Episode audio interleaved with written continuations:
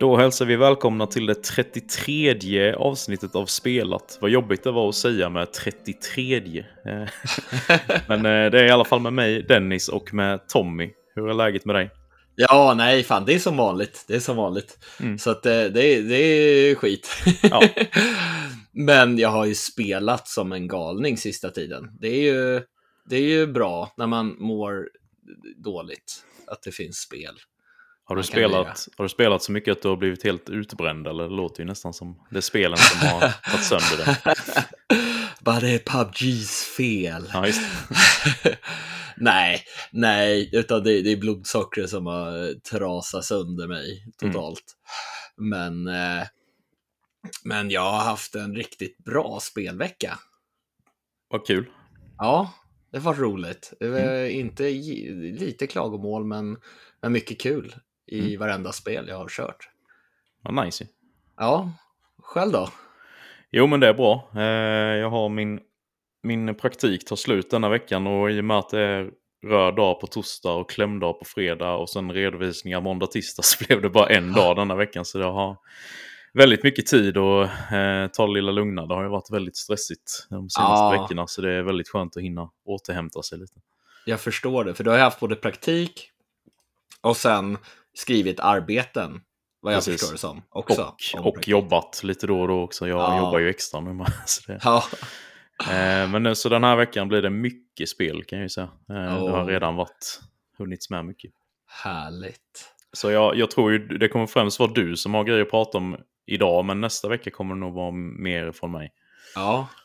ja, jag har ju ganska mycket att prata om idag. Ja, jag har förstått det. Ganska sugen på att prata om mycket. Kul. Men innan det så har, ska vi ju köra en lyssnarfråga. Det känns som det var ett tag sedan nu.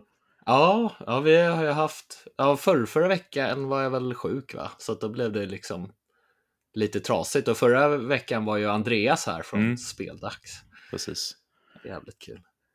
Men eh, den vi tänkte behandla idag är ju då, som vi anser är överskattade spel eller spelserier.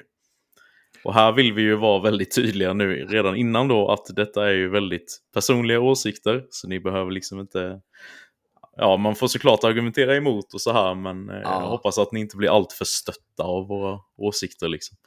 Ja, för jag tänker lite så här, alltså ett spel kan ju inte riktigt vara överskattat för att gillar jäkla massa människor det här spelet eller den här spelserien. Mm.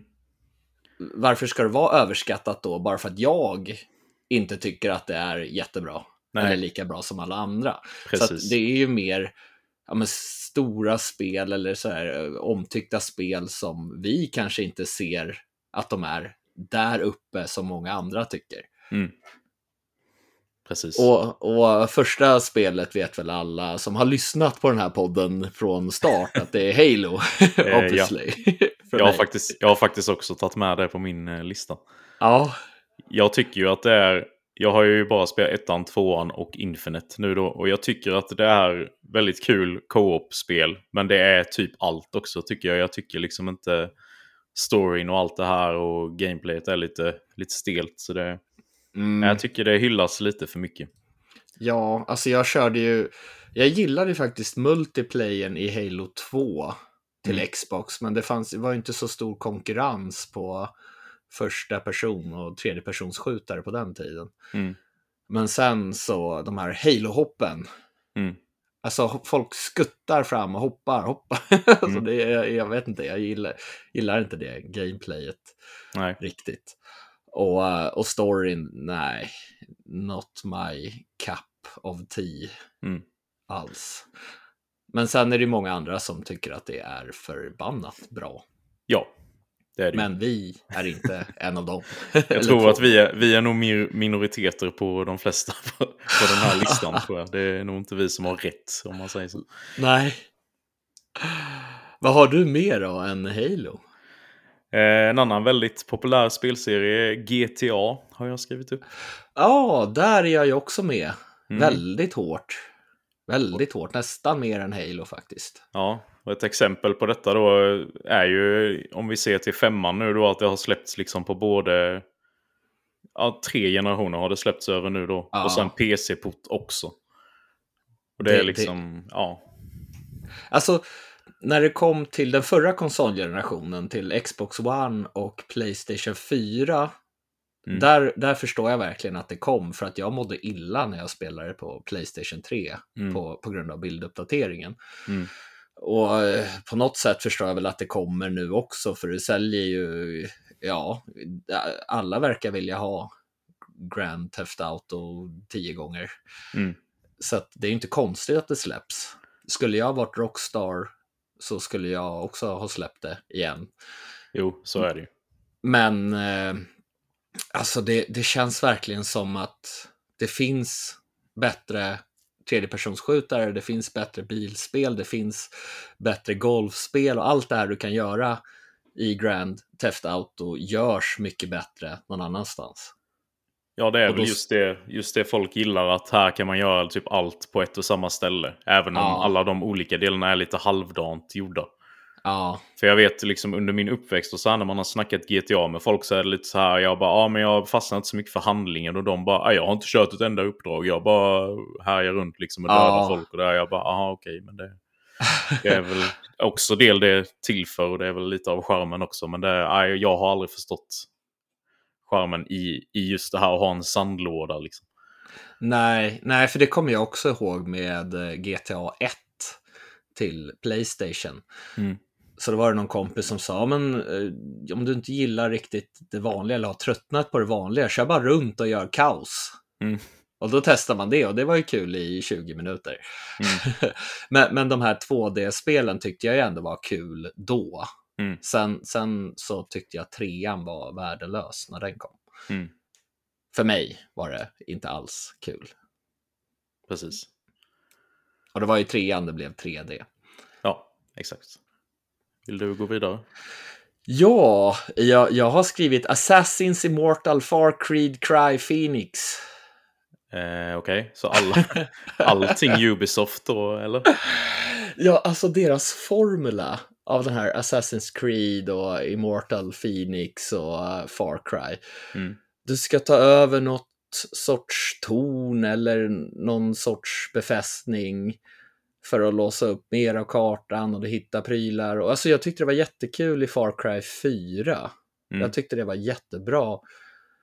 Men, men när jag var klar med det så kände jag mig ganska klar med den typen av spel. Alltså jag hade ju kört Assassin's Creed-serien också. Ettan var jag väldigt, väldigt spänd på. Sen så tyckte jag att det var ganska tom värld och sen kom tvåan och då tyckte jag wow, det här var ju trevligt. Mm. Sen har inte jag kört de här nya Origins som folk säger är så himla bra av Mm. Assassin's Creed, så jag vet ju inte, jag kanske borde ge den till chans. Men det där konceptet är jag så himla trött på. Mm. Det är verkligen som att kaka på kaka på kaka på kaka om och om och om igen. Precis. Så, um, så att jag har eh, lagt den, det bakom mig. Jag försökte spela Far Cry 5, men jag, Ja. jag kände mig trött på det efter en timme. Ja. Så var det så här, det känns som Far Cry 4 fast med nya, nya texturer och lite ny story. Mm. Men, men så är det väl i och för sig med ganska många spel, men, men jag kände mig verkligen trött på, på den här mixen av, eller Ubisoft-formulan. Ja. Men i Ghost of Tsushima till exempel, där använder de ju också ganska mycket av den här FAR, eller Ubisoft-formulan. Striderna känns ju ganska Ubisoft på något sätt, och det spelet älskar jag. Mm. Så jag vet inte vad det är med Ubisoft-spel. Jag försökte med Mortal Phoenix, gillade det ganska starkt i början, men sen, sen så blev jag trött på, på, på den, det, det upplägget. Ja, så kan det vara. Ja, Jag är väl inte, jag är väl inte helt... Jag, jag har ju hört det här klagomålet många gånger om det här. De brukar väl kalla det för Ubi Towers, ja, tror jag. Eh, och jag kan verkligen förstå problemet med det och att eh, det kan anses som överskattat. Men jag har ju ändå spelat som Far Cry 5 där som du nämnde. Det tyckte jag ju var svinbra.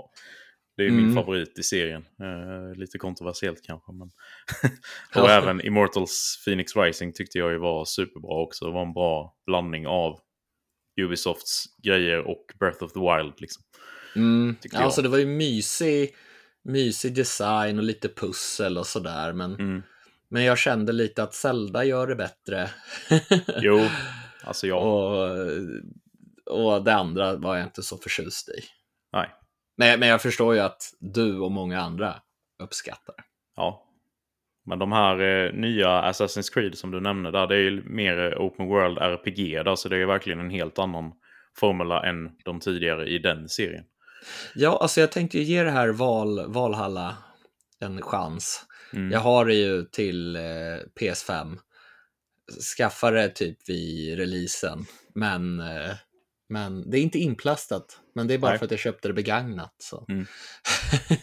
Jag skulle säga att du skulle börja med Origins istället, för jag tycker det är det bästa av eh, de tre. första av dem. Ah, okej. Och det ryktas om att det är en PS5-patch på ingång där nu. Nice. Det kan ju vara passande. Ja, ja, jo, alltså den har ju utvecklats serien Ja, bevisligen. Så att jag, jag ska väl testa det innan jag kanske klagar på att det är samma hela tiden om jag inte har testat det när, jag, när det har skett förändringar. men eh, tonen finns ju kvar. Ja, Det kommer inte undan. nej, nej. Men eh, när vi ändå talar om eh, Ubisoft och Assassin's Creed då, så har jag en, på min lista här har jag skrivit upp Assassin's Creed Black Flag.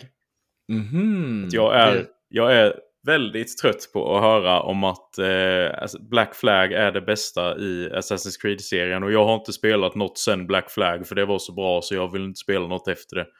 Jag vet Oj. inte hur många gånger jag har hört det. det är så jävla tröttsamt. Bara, ja men testa spelen därefter liksom. Vad fan. Du kan inte bara ge upp bara för att det var så himla bra. Visst, Unity kom ju där på. Och det var ju Ja. en bugg, buggig mess när det släpptes. Men det fixade de ju till sen och det är ändå ett ganska schysst spel tycker jag. Ja, där gillade jag ju stilen. Det var väl lite, vad var det, början av 1900-talet eller 1800-talet eller något sånt där. Franska revolutionen var det väl. Ja, Och sen eh, gjorde de ju Syndicate också som var det sista eh, innan eh, RPG-spelen då. Det tyckte jag också Mm. var jättebra när man var i industriella London och spelade Ja. som tvillingar. jag har ju bara testat de där spelen. Alltså jag har inte kört sedan Playstation 3 ordentligt, Assassin's Creed. Så eh, jag är ännu värre där. Ja, ja. Jag har inte spelat Black Flag, förutom att jag testade på GameX eller Comic Con, vad det nu Ja. mässan hette då, eh, i eh, några minuter. Mm. Nej men det är just det, jag tycker verkligen inte att serien i sig, jag tycker om serien väldigt mycket, jag har spelat i princip alla spelen. Tycker att de är jättebra. Eh, men jag, jag är bara trött på just Black Flag, att när man snackar Assassin's Creed med någon så bara ah, jag har ju inte spelat något sen Black Flag. Då är jag bara, men sluta nämna det. Det är överskattat, så jävla bra var det inte. Det var skittråkigt att hålla på med sina skepp. jag tänker lite så här, om man tycker att någon del är skitbra, om man, alltså då blir man inte sugen på att köra nästa då? Eller ja, all, bevisligen blir inte alla det, men Ja, det är väl lite så jag tänker, men samtidigt så var ju Unity en katastrofal release Ja. som kom därefter då, så jag kan ju ändå förstå att man då avvaktade lite kanske, men Syndicate hade väl ändå ganska bra betyg när det kom tror jag. Mm, mm. Revelations tror jag det var det jag tröttnade där som det verkligen var. Mm. Droppen för mig och sen så fortsatte det i Far Cry. Mm. Som ändå fyran gillade då. Men Ja. ja, Ska jag ta en till kanske, för jag hade nog lite fler på min lista. vad- gör så. Vi ser om du håller med om denna då. Jag har skrivit upp en spelserie som heter Devil May Cry. Oj, nu satt jag i halsen här. Vad fan säger du? Nej, jag misstänkte att du kanske skulle bli lite stött av denna. Nej, jag vet inte, alltså jag har, jag har spelat hela trean och femman i denna serien och testat ettan. Och visst, jag tycker att det är bra, men jag tycker att det finns bättre hack and slash-spel. Så- Ja. Men jag tycker att det ständigt pratas mest om Devil May Cry och det kan jag inte riktigt förstå varför. Nej, alltså jag tycker gameplayet i Bayonetta är bättre än i Devil May Cry för sig. Jag tycker ju att eh, God of War-serien har bättre gameplay och story och allting, bossar. Ja, Så jag, vet Nu- inte, jag har väl alltid jämfört med den liksom. ja.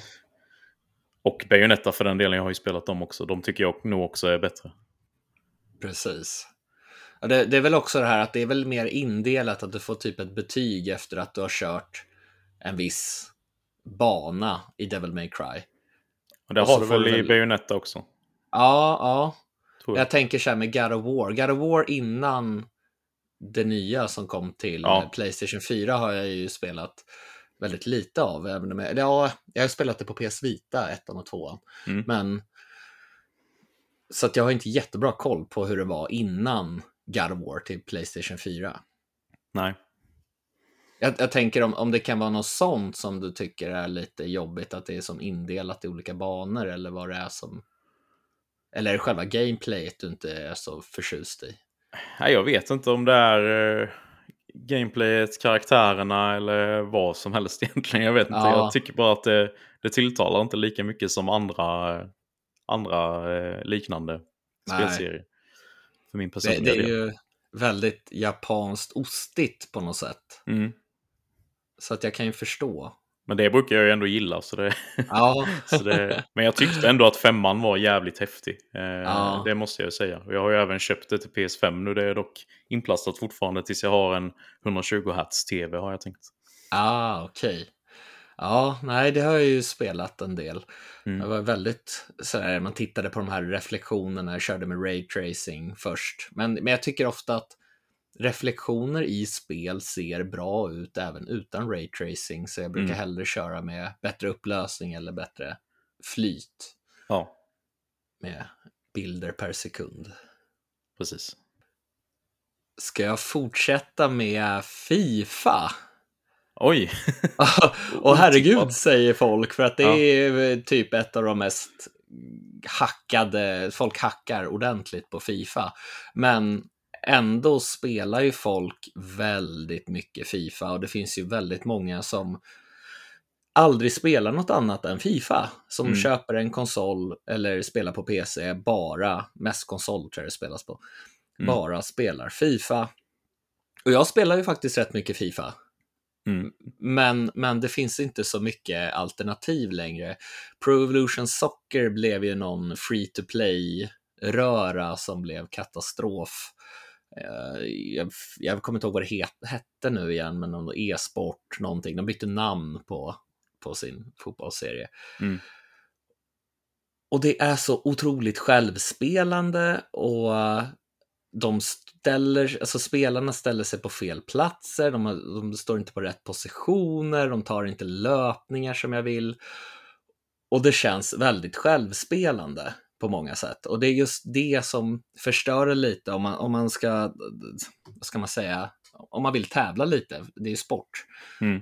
och, och så så är det ju väldigt jobbigt om sitt lag kanske spelar förbannat dåligt. Helt plötsligt så går aldrig någon passning fram och det, det, det, det är någonting som gör att hela laget fallerar ibland, medan för den andra så spelar sitt lag fantastiskt bra. Mm. Alla passar går fram och du kan slå nästan hur som helst. Och Electronic Arts slår ifrån sig att ah, men, nej, men sådär är det inte. Nej. Och man, och man, kan ju ändå tycka att ja, men i riktig fotboll så har ju inte alla lag sin bästa dag varje dag. Men, men då är det väl jag som spelare som inte ska ha min bästa dag mm. och inte spelet i sig som ska ha en dålig dag. Nej. Och, och du kan, i eh, Fifa 22 så kan du göra en form av finessskott så du kan skjuta helt galna skott om du får mm. lite tid. Långt utifrån, alltså du kan göra så här mål som nästan inte går att göra på riktigt. Även de här absolut bästa spelarna kan knappt göra det här. Mm. Och om man spelar då online mot folk som bara gör det här hela tiden, då är det liksom att, ah, okej, okay, du, ja, du, du kan vinna på ett ganska enkelt grepp på något sätt. Mm. Nej, så att jag tycker Fifa är väldigt dåligt, men jag har ändå kul när jag spelar det med mina kompisar. Vi brukar köra mycket Fifa-turneringar. Mm. Men det som jag sa till dig, det handlar kanske inte så mycket om spelet eh, där kanske. Att det Nej. är umgänget liksom. Ja, jo precis. Och hitta ett spel som passar fyra till sju personer. Mm. Sådär, då, då, och vi vill spela något fotbollsspel och då kanske inte finns någon, så mycket alternativ och då blir det Fifa och då umgås vi på det sättet. Så att, Mm. precis.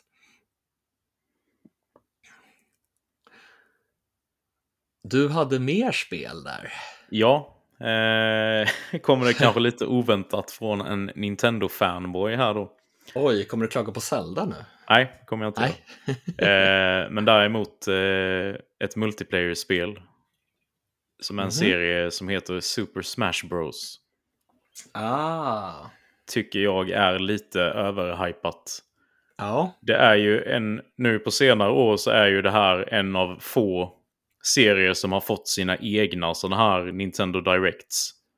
Ja, Vilket har stört mig lite. Eh, för jag tycker att det är... Ah, jag vet inte, jag tycker det är överhypat bara. Alltså visst, jag, jag personligen tycker typ att det roligaste med Smash det är att köra själv, låsa upp alla karaktärer och sen är det typ... Sen är jag typ nöjd. och det låter ju inget vidare för ett spel som är i princip gjort för att lira med ett gäng kompisar. I så Nej, fall. precis. Eh, det kan vara ganska kul i, eh, att köra tillsammans i samma rum, men eh, jag är ju så icke tävlingsinriktad heller så det blir Ah. lite så att jag, jag, jag har så svårt att bry mig om jag vinner eller förlorar. Det är väl Ah. jag som är konstig där såklart, men nej, jag vet inte. Jag tycker att det, det är Nintendos mest överskattade Ah. serie.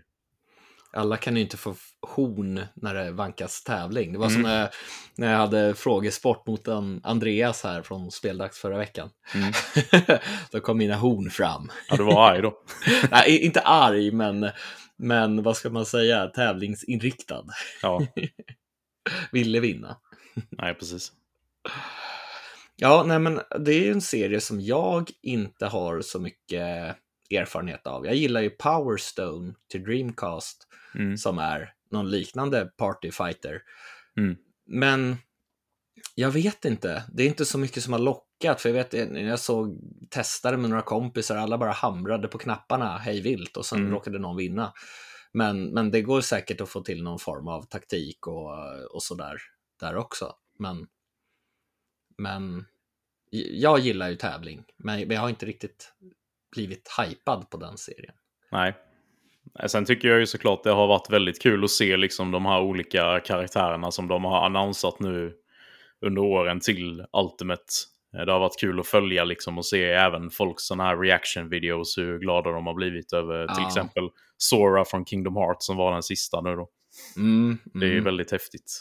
Och så. Men sen är det, tänker jag bara på att spela det, liksom även med de här karaktärerna så tänker jag bara, ska jag köpa de här karaktärerna sen bara, fast jag kommer inte spela det ändå för jag tycker liksom inte det, det är så Nej. kul att spela varken själv eller online och det blir sällan spelkvällar där vi kör Smash liksom. Ja, nej, precis. Så eh, Nej. nej, lite överskattat i, i mina ögon men jag förstår ändå att folk gillar det. Ja, ja. Så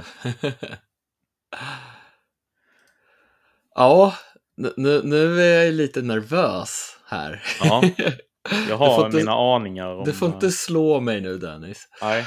Nej, nej, så, så eh, håll i dina händer höll jag på att säga.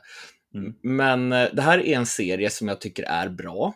Mm. Det finns ett spel i den här serien som jag tycker är väldigt, väldigt, väldigt bra. Mm. Men jag ser inte den här superstorheten som det här spelet har. Mm. Eller för mig är det inte det, och det är Zelda-serien. Vad fan sitter du och säger? Va? Alltså jag tycker att det är mysigt att göra pussel och, och sådär och man hittar lite nya grejer och du kan komma in på nya ställen. Mm. Men för mig har det alltid saknats en spännande story för att jag ska verkligen orka hela vägen. Alltså jag har ju försökt vara, vara sugen på det. Jag tycker att det är kul när jag spelar det, jag har mysigt. Men, men det är inte det här wow-explosionen som Mm. för många andra. Jag förstår att det är så pass omtyckt som det är. Men, men för mig, jag får inte den här wow-känslan när jag spelar ett Zelda-spel, förutom Wind Waker HD som jag spelade till Wii U. Mm. Där, där var jag liksom klistrad genom hela spelet, men det är också det enda Zelda-spel som jag har spelat igenom. Mm. Så att det, det, det tickar många boxar, men inte riktigt alla för att det ska vara ett så här 9, 9 10 av 10 spel för Mm. mig i den serien. Men utan istället kanske det är 7 av 10 om man skulle ta någon form av betygsskala. Va? Jag, jag fick jag hålla i mig lite. ja, du fick göra det. Ja.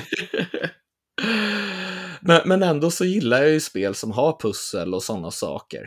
Mm. Och eh, lite action och, och den biten. Men, men det är något det här lilla sista pusselbiten som saknas för att jag ska tycka att det är ett av de bästa serierna på marknaden. Mm.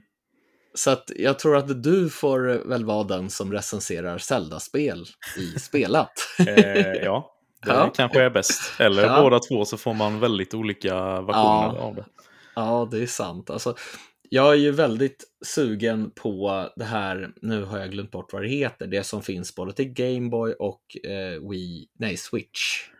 Eh, Link's Awakening. Ja, det är jag ju väldigt sugen på. Det har ju fått väldigt bra kritik. Mm.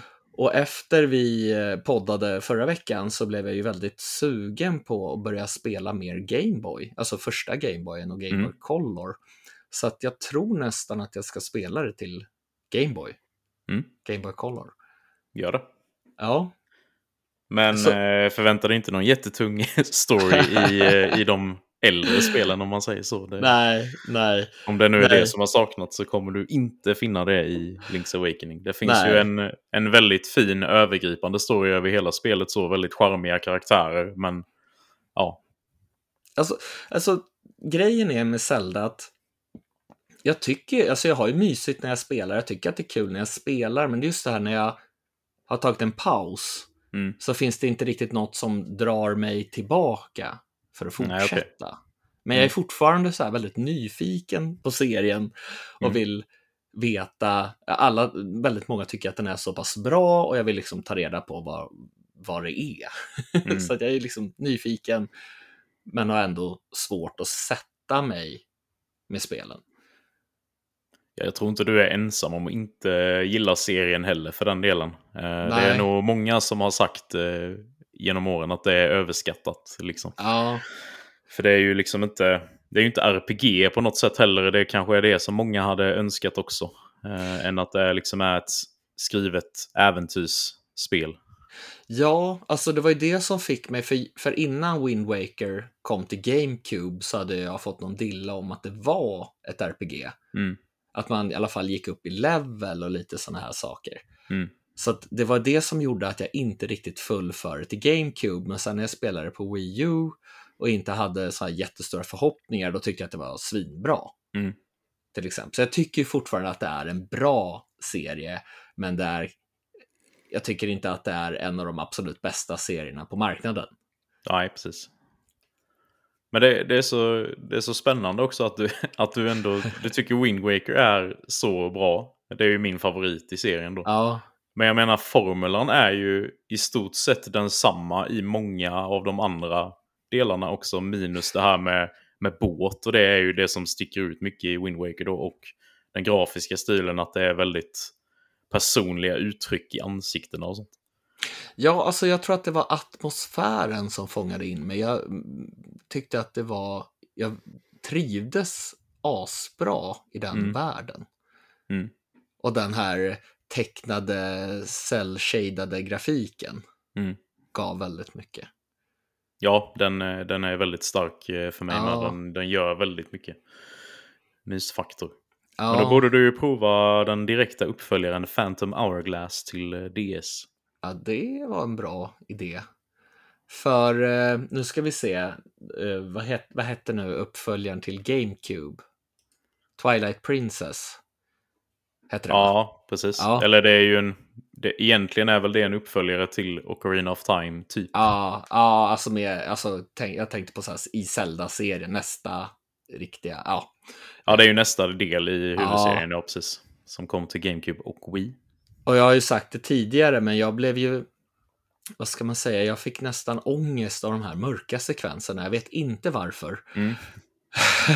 För jag gillar väldigt mörka spel och det är ju liksom inte världens mörkaste spel om man säger Mm. så. Men, men jag trivdes inte alls i de mörkare sekvenserna i det Nej. spelet. Det är kanske en helt annan grej. Det var ju som med Wind Waker tyckte jag var skitbra sen när jag spelade många år senare. Mm. Så jag kanske ska ge Twilight Princess en ny chans. Mm. Men eh, ja, någonstans ska jag börja. Jag tyckte ju ändå, jag hade ju ändå kul med, med eh, det här till 3DS som jag spelade också. Jag, jag, jag har glömt bort alla namn på Zelda-serien. A link between worlds. Ja, det hade varit lättare om det var liksom Zelda 1 till... Ja. Precis. Om det Så hade varit eh, numrerade titlar. ja, Som, Precis. eh, som eh, mitt eh, nästa spel har, som jag tänkte prata om, nämligen eh, Final Fantasy 7. ja, Som, eh, här är det lite dock eh, dumt för att jag personligen har knappt spelat originalversionen av Final Fantasy 7. Jag har spelat Remake, tycker det är Mhm. hur bra som helst. okej. Det är full pott liksom.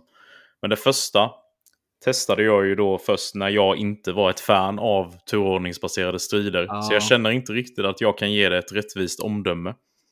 Men jag tycker att i den värld vi lever i, det finns sjukt mycket JRPG. Och det finns väldigt många bra JRPG. Jag tycker till exempel att Final Fantasy 9 är ett av de bästa JRPG som gjorts. Samma Men det enda man hör om gång på gång är Final Fantasy 7, det, det, det går inte att bli bättre liksom. Och så. Ja, Men så bra kan det inte vara, tänker jag.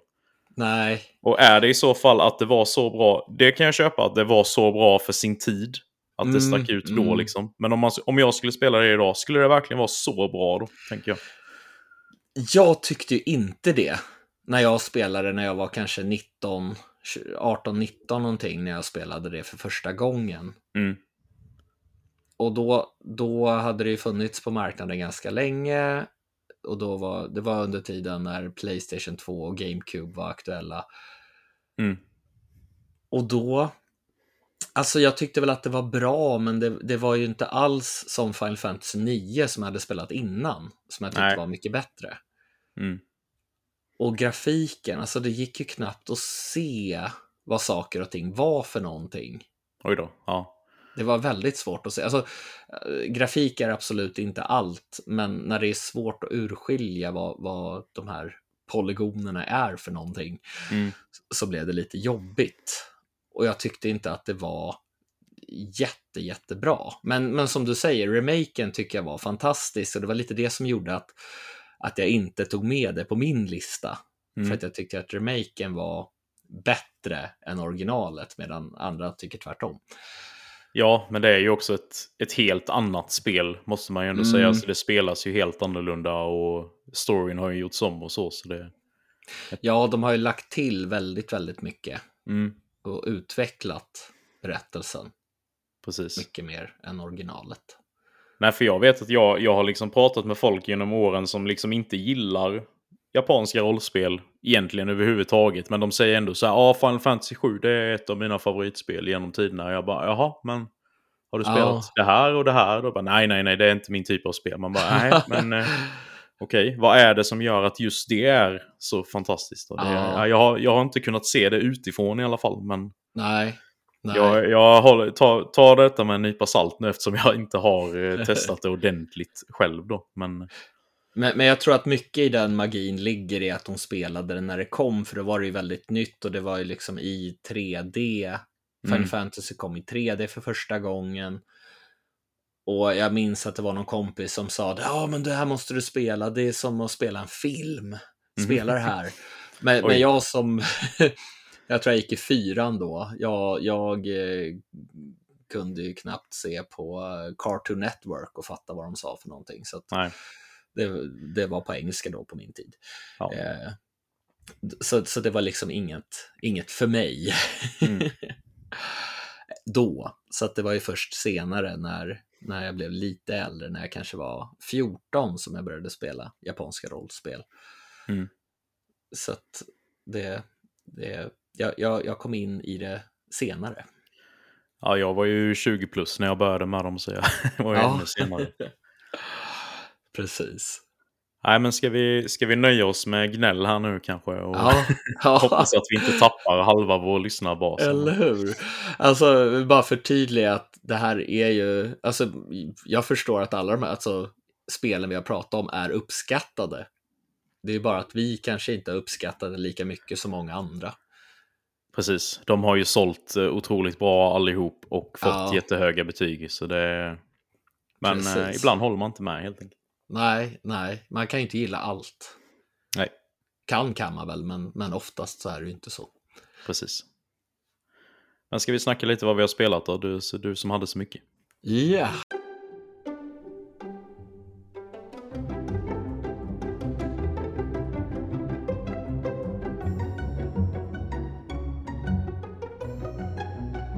Ja, Dennis, vad säger du om att plocka fram snipern i olika spel?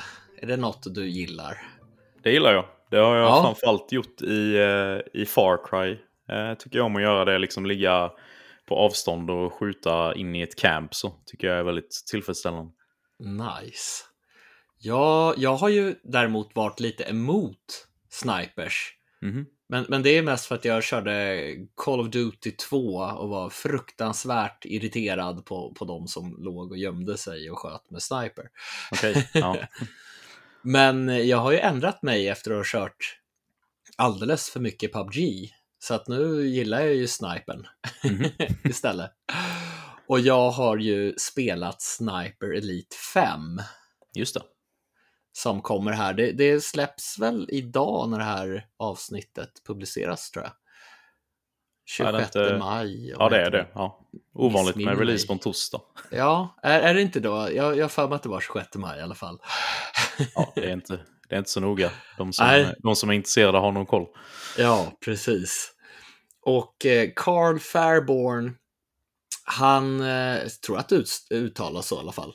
Mm. Men ja, han har dragit till Berlin för att hjälpa motståndsrörelsen och sätta stopp för nazisternas framfart. Och han har ju såklart plockat med sig prickskyttegeväret. Men det här action- action-äventyret det bjuder också på närstrider och mycket så här taktiska möjligheter. Mhm. Och det intressanta är att eh, Fairborn, han föddes faktiskt och tillbringade sina första år i Berlin. Eller Berlin, inte Berlin. och och nu, nu så är året 1944, så här, andra världskriget pågår. Och den här gången så går han emot sitt födelseland och nazist, nazismen som, eh, och han försöker stoppa det här, Operation Kraken, eller Kraken, eller hur det uttalas. Mm. Och förhoppningen är förstås att få ett slut på det här kriget. Och Sniper Elite 5, det är indelat i olika kapitel. Och varje bana, det, det är en relativt stor och öppen karta vi hamnar på, men, men det är inte liksom någon direkt öppen värld. Men man kan ta flera olika vägar för att nå, nå målet. Men eh, vägen dit är förstås kantad av massor av fiender. Och vi kan välja att smyga oss fram bakom lådor och väggar och gömma oss i hus och så här, röra oss osynligt i högt gräs och sen gå fram i ryggen på fiender och ta ut dem. Men eh, jag är ju sån där som har den här Rambo-genen i kroppen så att jag Mm. kan ju inte riktigt sitta still så pass länge. Nej. Så att, eh, och det finns ju faktiskt ganska många, det blir ganska många närstridsfighter här ändå. Mm. Så att man eh, skjuter med, med SMGs och, och så vidare ganska mycket, även om ja, man, man vill ju gärna stå på av, långt avstånd och ta ut folk med snipern, men det är inte alltid att det, det funkar. Så att eh, man liksom kanske skjuter några och sen gömmer man sig lite igen och så ser man en markör på eh, minikartan där fienden såg en sist. Och då om man lyckas hålla sig gömd, ja men då kan man ju använda det till sin fördel att man, ja men då står folk liksom och siktar mot där man var sist och så kan man försöka ta ut fienden. Så förhoppningsvis så hör inte alla fiender runt omkring när man sätter ett headshot med, med snipen på någon. Det är ju en fördel. Ja. Men man kan ju också så här, placera ut lite olika landminer och sådär. Mm. Om, man, om man ställer sig på något ställe och så, ja men då placerar vi ut lite landminer här för det kommer säkert komma fiender hit och så sprängs de i luften när de springer förbi eller Mm. kliver på de här. Men för fienden gör ju väldigt mycket skada. Så att det är inte som i Call of Duty att man kan springa loss och skjuta allt som rör sig och inte gömma sig. Nej. Eh, Det funkar verkligen inte. Så att jag dör ju ganska ofta med den här Rambo-stilen. Men man hittar både så här medkit och bandage. Man man kan börja blöda så att man måste använda bandage för att liksom stoppa blödningen så man inte dör. Och, och vi hittar också massa siduppdrag efter de här banorna. Mhm. Och, och, men det är liksom inte tydligt innan man börjar en bana vad det här sidouppdraget är, utan det kan vi, vi kan hitta information på vissa fiender och man kan hitta dokument efter vägen och lite sådär. Och om man gör de här extra uppdragen då så kan man få mer erfarenhetspoäng bland annat. Och när man går upp i level så kan man använda de här poängen till ja, till exempel att man kan återuppliva sig själv med ett medkit om man har det på sig, om Mm. man skulle falla till marken. Eller hitta vapen så man kan plocka ammunition från fienderna. Mm. Och så kan man hitta olika arbetsbänkar där man kan växla mellan olika vapen. Vissa kan man låsa upp genom olika sätt och sådär. Och så sätta på olika attachments för att kanske göra mer skada eller att man får lägre recoil. Men eh, här blev det lite problem för mig. Jaha. Jag har ju, som jag har sagt typ två gånger tidigare i det här avsnittet, spelat lite för många timmar i PubG. Jaha. Så att recoilen är ju väldigt låg i jämförelse. Om man kör med en SMG så behöver man ju knappt hålla emot recoilen. Alltså man duttar lite på styrspaken. Först i början så var det som att jag började skjuta och sen tittade jag rakt ner i marken. Jaha. Eh, det, så det, det funkar inte riktigt. Så att eh, jag satsar allting på att de här vapnen ska göra mer skada än, eh, än att jag sänker recoilen på det Mm. här. Men, men alltså jag tycker att det här, det är kul. Alltså det är ju väldigt utmanande även på den här normala svårighetsgraden som jag kör på. Mm. Men animationerna kan vara ganska ryckiga och hackiga. Som vi säger liksom att ja, men en fiende gömmer sig lite och sen så hoppar huvudet ett litet hack åt sidan. Mm. Och det är ju väldigt jobbigt om du har snipersiktet på huvudet och sen helt plötsligt så är huvudet någon annanstans utan att man riktigt Ja. ser att det har rört sig. Lite jobbigt. ja, det är inte alltid så, men det händer då och då att man undrar vad det är som händer egentligen. Mm. och äh, den här storyn lockar mig inte så här jättemycket. Jag, jag vet faktiskt inte om den är helt ja, sanningsenlig plus att de lagt till en story för de här karaktärerna som är med och sådär. Men det känns inte som att det gör sådär jättemycket att storyn inte är i fokus, som jag känner Nej. ändå, utan det är mer gameplayet som är, ja men det, det är bra, bra gameplay och det är ganska snygga miljöer och sådär, men det känns ändå inte riktigt som att de har tagit serien in i den nya konsolgenerationen. Det känns lite som att det är lite gammal grafik och sådär. Mm. Och, och speciellt vissa animationer som är konstiga. Då.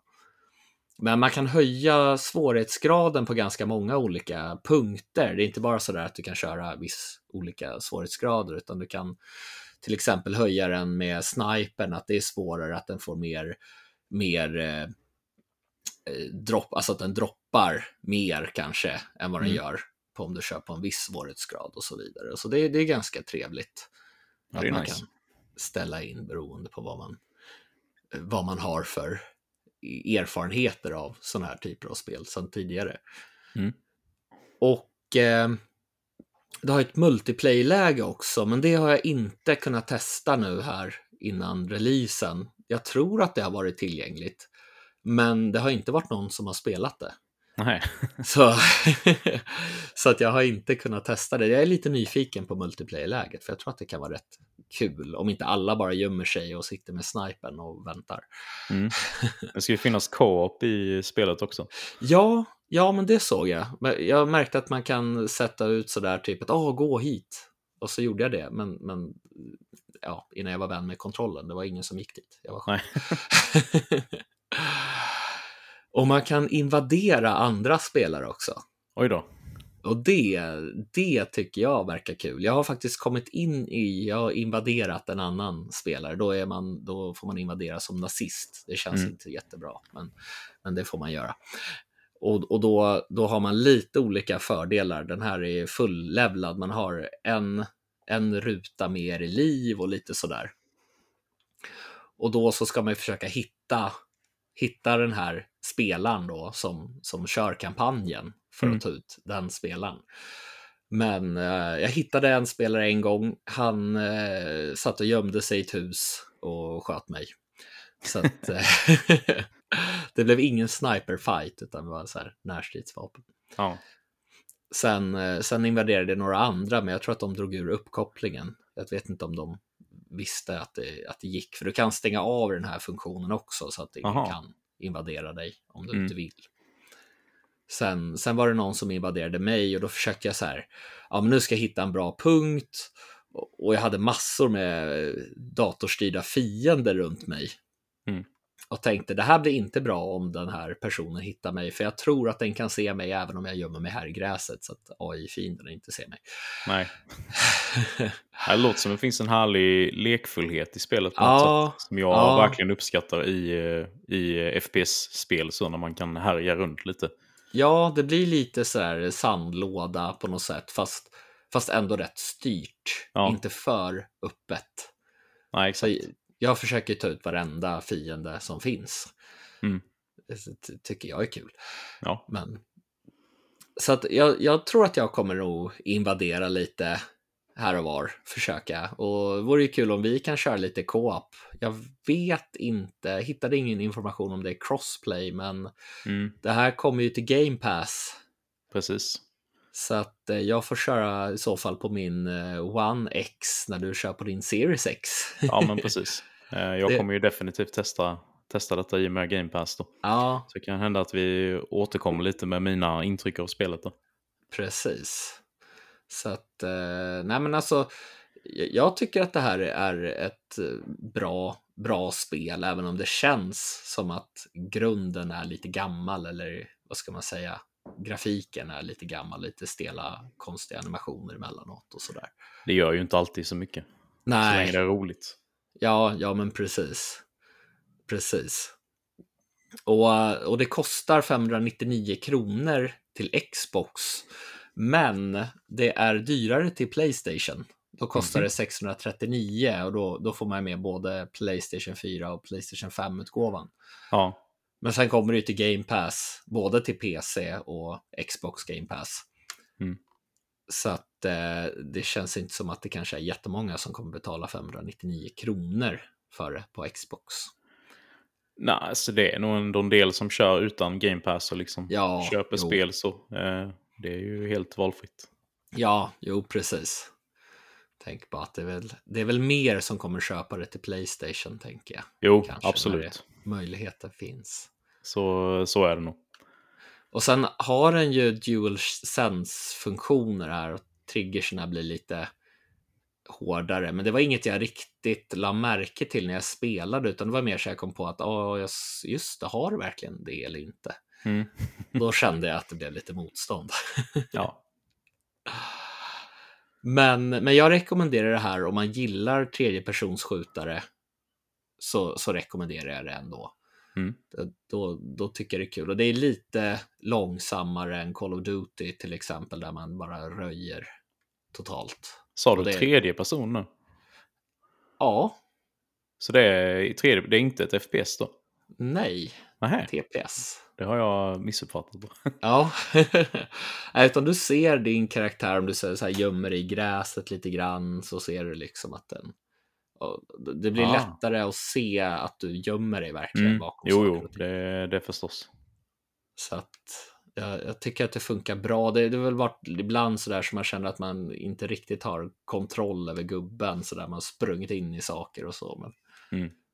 men annars funkar det bra för att vara så här tredje, tredje person. Ja. Och det här det släpps ju till Playstation 5, Playstation 4, Xbox One, Xbox Series X och S och PC.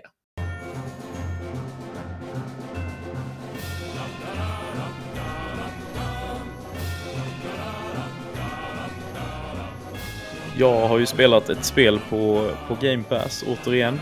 Eh, som heter Euden Chronicle Rising. Eller om det är Euden, jag vet inte hur det uttalas. Nej, jag vet inte heller. Jag säger Euden, Ja. men jag kan säga konstiga saker, det vet alla.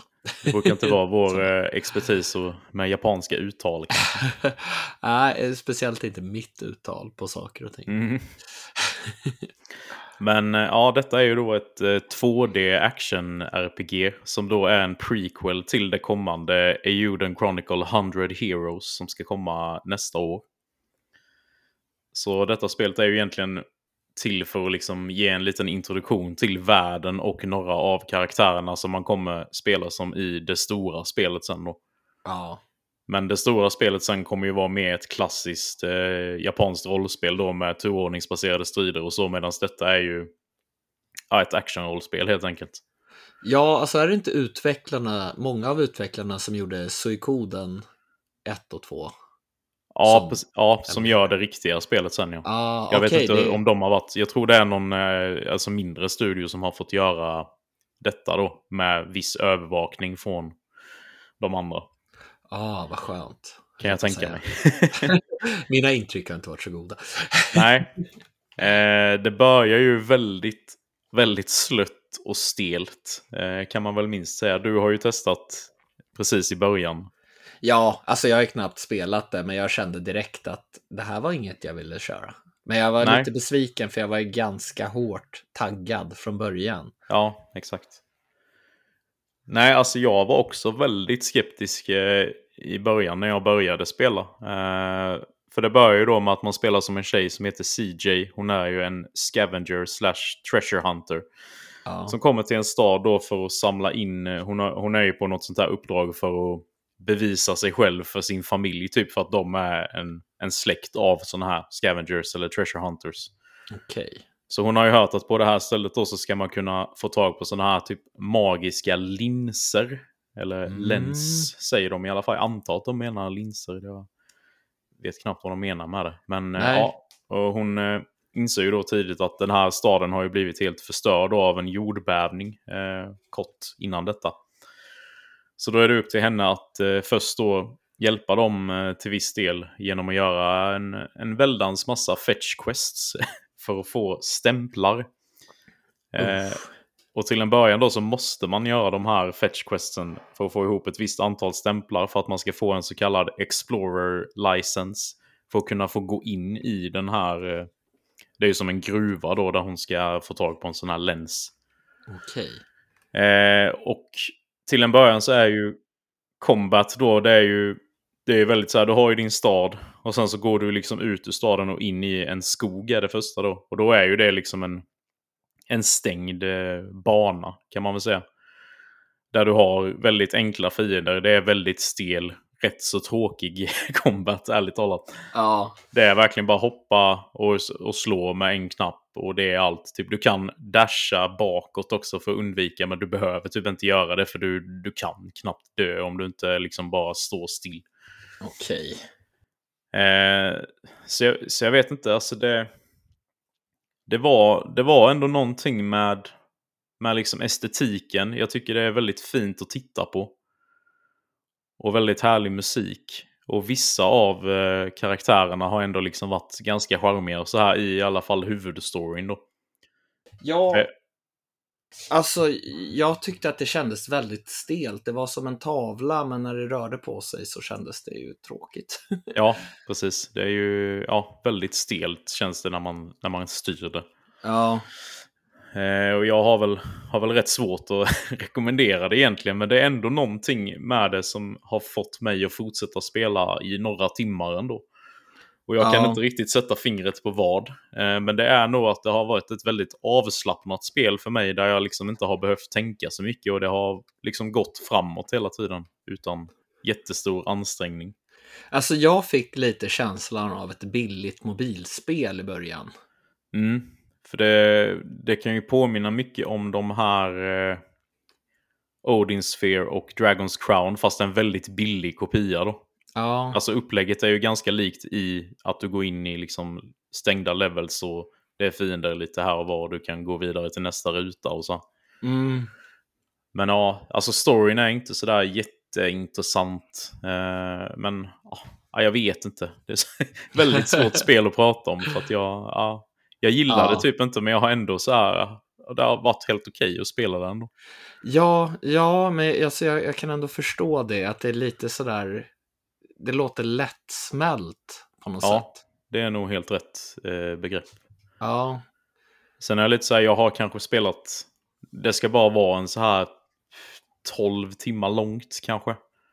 Och jag har väl spelat ungefär halva nu då, så jag funderar lite så här, för det ska ju ändå knyta ihop med det här kommande riktiga spelet då. ja. Och man skulle även få någon form av fördel om man har spelat detta. Nu vet jag inte om det betyder att man behöver ha spelat hela eller om man bara har en, en sparfil liksom. Mm, Men, så jag är lite så här om jag ändå ska bara ska pusha mig igenom det, för det känns... Det, det kräver ju inte så mycket av mig egentligen. nej, nej. Nej, precis. Nej, alltså, alltså jag, jag tappar ju sugen efter de första dialogerna som jag, jag kände direkt att jag inte blev sugen. Nej. Och då funderar jag lite på, blir det bättre än i början? Blir det mer spännande story än vad det är i början? Ja, lite mer eh, spännande får jag ändå säga att det blir. Ja. Eh, och även combat utvecklar ju sig mer och mer. För du, du får ju två andra karaktärer längs med spelet då. Och då har du liksom att de har eh, varsin knapp då. Alltså den huvudkaraktären slår du ju med, om vi tänker Xbox-kontroll nu då, så är det X-knappen. Mm, Och, så, och, och börjar du då istället slå med Y-knappen så slår du med nästa karaktär och B-knappen är den tredje karaktären.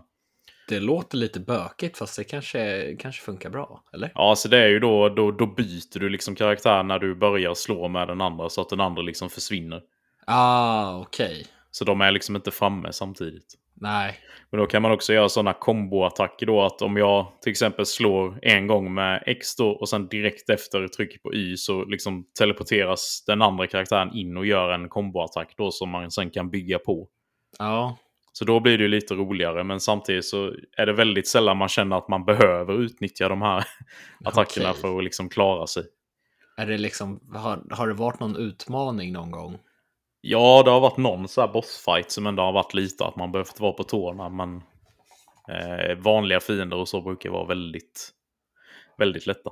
Så inget man behöver grinda för i alla fall. Eh, nej, det är ju egentligen bara för att man får grinda till de här olika fetch questsen då. För det är ju ofta så här, ja, jag behöver tre sådana här och så är det in i banor som du redan har kört. In igen och döda fiender eller ja, slå på stenar så att du får eh, ore eller vad det nu kan vara. Ja, Alltså det är ju väldigt svårt att sälja in det här till någon, liksom, men eh, ja, vill man ha något väldigt så här halv, halvbra eh, actionrollspel som ändå är, du behöver inte tänka så mycket så kan det nog ändå vara rätt trevligt. ja, alltså jag kände väl att jag kunde testa det i alla fall för att det fanns på Game Pass. Mm. Sen, sen ville jag inte testa det mer och då gjorde Nej. jag inte det. Nej, alltså jag, jag känner väl att det utanför Game Pass är det svårt att rekommendera det. Jag hade nog själv varit ganska missnöjd om jag hade betalat för det. Ja, Eh, däremot så är det ju ett rätt så lågt pris på det. Det kostar ju bara 159 kronor. Det tycker Ja, jag ändå är ett rimligt pris mm, för, mm. det, för vad man får. Liksom. ja, alltså det är väl egentligen under vad de eh, lite mer avancerade, eller avancerade, men lite mer påkostade Ja, indiespelen, eller så här mellanklassen brukar väl ligga runt 200 där ja, på något sätt. lite så. Så nej, man får väl eh, titta lite på det. Jag har jag, eh, halvrekommendation från mig får jag väl ändå säga. Ja. Eh, ingen rekommendation från dig, låter det som. Nej, al- alltså jag har ju typ inte spelat det. Jag gjorde första striden, tryck Mm. på knappen, de dog. Mm. Eller försvann eller vad det nu var. Och sen så började de prata och då kände jag bara nej. Nej. Nej, jag väntar lite och ser om, vad du säger om det blir bättre sen. Ja. Det blev lite bättre sa du. Ja, Eh, Jag känner inget sug på att Nej. fortsätta faktiskt. nej, alltså det finns så mycket andra spel som är bättre än detta. Eh, Ja. Egentligen så, det är egentligen om man, om man verkligen inte vet vad man ska spela så kan det vara värt att kolla närmare på. Ja, precis. Men det finns ju då på Game Pass som sagt både Xbox och PC då och sen finns det ju även på Playstation 4, Playstation 5 och Switch. Ja, Och jag tror att det bara finns digitalt vad jag har kunnat se.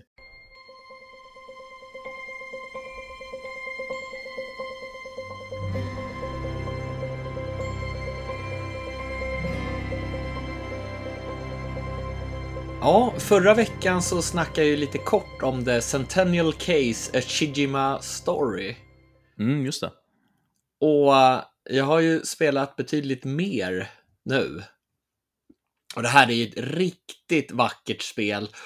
Och det har en riktigt spännande deckarhistoria också. Mm. Och det, det som sticker ut då, det är att ett live action-äventyr, den här klassiska FMB-genren, kommer verkligen tillbaka. Eller det har väl släppts några spel nu på senare tid, men det här är det första, jag tror att det är det enda FMV-spel jag någonsin har spelat faktiskt. Mm. Och det är några riktigt tunga namn också bakom den här produktionen. Och nu ska vi se om min japanska, mitt japanska uttal levererar. Ja då, det tror jag. Det är Kochiro Ito. Han var ju scenariodesigner för Metal Gear Solid 5 bland annat. Och han har regis- regisserat det här äventyret. Och eh, Junichi Ehara, som var producent för Nier Automata, har stått producent för det här. Oh. Och det, det sistnämnda där, det, det får ju mig att bli riktigt eh, intresserad bara där. Ja, jo, men eh, han är jag ett fan av också. Ja. Och det här det, det kretsar ju kring deckarförfattaren Haruka Kagami och Eiji, eller Eiji Shijima. Så han, han forskar kring här cellers föråldringsprocess. Kanske inte låter sådär jättespännande, men den här rika Shijima-familjen har haft ett väldigt tufft förflutet där flera mord har skett genom det gångna århundradet. Och eh, under den här inledningen så får vi se ett skelett upptäckas på släktens ägor. Mhm. Och jakten på evigt liv är också ett ämne som, eh, som inkluderas i den här berättelsen. Och en mytomspunnen frukt har gått i arv i den här Shijima-släkten. Men eh, storyn fokuserar emellertid inte bara på vad som händer i nutid, utan vi färdas också bakåt i tiden. Mhm. Och jag tycker att det här görs på ett ganska snyggt sätt. För Kagami, hon som är deckarförfattare, då, hon läser om ett mord som har inträffat ett århundrade tidigare och vi får vara med och nysta i det här mysteriet. För att, ja, jag ska, jag ska inte säga mer om, om just det. Men eh, vi får liksom undersöka olika mysterier som hänt under olika tidsperioder och varje episod utspelar sig som, ja, men som ett avsnitt på någon av de här film och serietjänsterna som typ Netflix Mm. som, vi, som finns. Och jag tycker att den här berättelsen, det känns som ett, ja men ett bra, en bra serie på Netflix, om jag säger så Ja, ja. liksom över medel. Nu har ju Netflix, tycker jag, gått ner sig ganska mycket. Men Alltså. jag tycker inte det finns sådär jättemycket längre. Kanske har sett allt. Men eh, det är ju ett spel också, så vi hittar ju såklart så här, gameplay i det här. Och eh, det är som indelat i tre olika faser. Och den första är då liksom incidentfasen. Det visar händelserna kring ett mord. Mm. Och vi får bland annat lite olika dialogval att välja mellan här. Eh, Men de påverkar liksom inte direkt berättelsen, utan det är mer så att man ska vara på tårna. Och ibland så dyker det upp olika föremål som man liksom ska klicka för att de ska läggas till, eller ledtrådar menar jag, inte Mm. föremål. Men, men just det distraherar mig en del. Så här liksom att, ja nu ska jag klicka, vänta nu här, vad sa de nu igen? Eh, för man måste väl liksom vara uppmärksam på olika detaljer. Och eh, oftast de här viktigaste grejerna, de, de sker utan att ja, det avslöjas att det är en ledtråd det handlar om. Och det är det som gör, gör det mest intressant. Och som tur är, så här, om man liksom missar någonting eller, eller sådär, då kan man liksom lätt spola tillbaka några sekunder och man kan spola framåt och liksom ja, vrida och vända tills man, ja, om man missar någonting. Mm. Och eh, de här olika sekvenserna, de, de är, vad ska man säga, de är som fyllda av olika distraktioner som kan lura oss och tro på hypoteser som är felaktiga. Aha. Och, och det, det känns väldigt smart för att eh, det skulle vara ganska tråkigt om det var självklart vad som har hänt. Ja, tänker det. Men i den andra fasen, så här, hypotesfasen, den är inte jättebra. Så, så när vi ska liksom utreda ett mord så Mm. får vi dra olika ledtrådar till liksom som ett hexagonalt bräde. Det blir som ett litet pussel vi ska pussla ihop. Och liksom processen känns lite väl utdragen. Det känns ganska tråkigt. Och man måste göra det här, även om man liksom redan har en teori om vad som har hänt, så, så måste man kanske ägna, ja, vad kan det vara, 20 minuter åt det här. Oj. Så att eh, det, det- är ganska tydligt och så, men designen på det här känns inte så jätterolig heller. Nej. Och så kan man se om olika sekvenser från den här episoden då för att veta, eller ja, ta reda på saker som man kanske glömt bort eller inte tänkt på. Men eh, när det är dags för det här avsnittets final, när vi ska ta reda på vem mördaren är, Mm. eh, det är ju kul, eh, såklart. Ja. Så här samlas liksom de misstänkta och då får vi välja mellan de här olika hypoteserna som vi plockade fram genom det här ganska tråkiga pusslet. Ja. Men beskrivningen för de här hypoteserna, de är inte alltid sådär jättesolklara. Och ibland så har jag tyckt att vissa av de här har varit ganska lika varandra, så att man kanske har gjort ett liksom så här frustrerande misstag som gör att man gör fel. Och om man säger, säger någonting då som är fel så utspelar det sig liksom som ja, men det är ganska så här humoristisk och lite smårolig sekvens där vi blir liksom tillrättavisade av de andra då att det här, så här kan det inte vara. Och då skickas vi tillbaka till den här hypotesfasen, men som tur är så kan man liksom spola fram då till platsen där vi liksom trasslade till det hela. Och jag lyckades också pricka rätt på mina hypoteser någon gång och då kände man ju liksom så här, åh fan, jag är Sherlock Holmes. Mhm. Ja, det är grymt. ja, men, men alltså det här, det, det, det är en riktigt spännande berättelse. Jag tycker skådespelarna är riktigt duktiga också.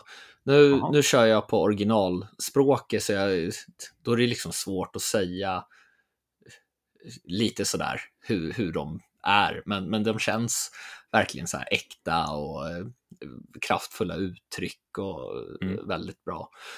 Och liksom delar av den här interaktiva biten är, ja men det är underhållande, även om vissa saker är lite sisådär. Och liksom, hypotesfasen är verkligen det här spelets svagaste punkt. Men, Ja, okej. men jag blir ju liksom sugen på att jag hoppas att Square Enix fortsätter liksom med den här satsningen på den här klassiska FNB-genren. Mm.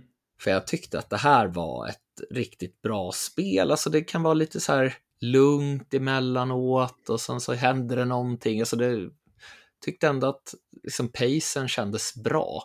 Mm.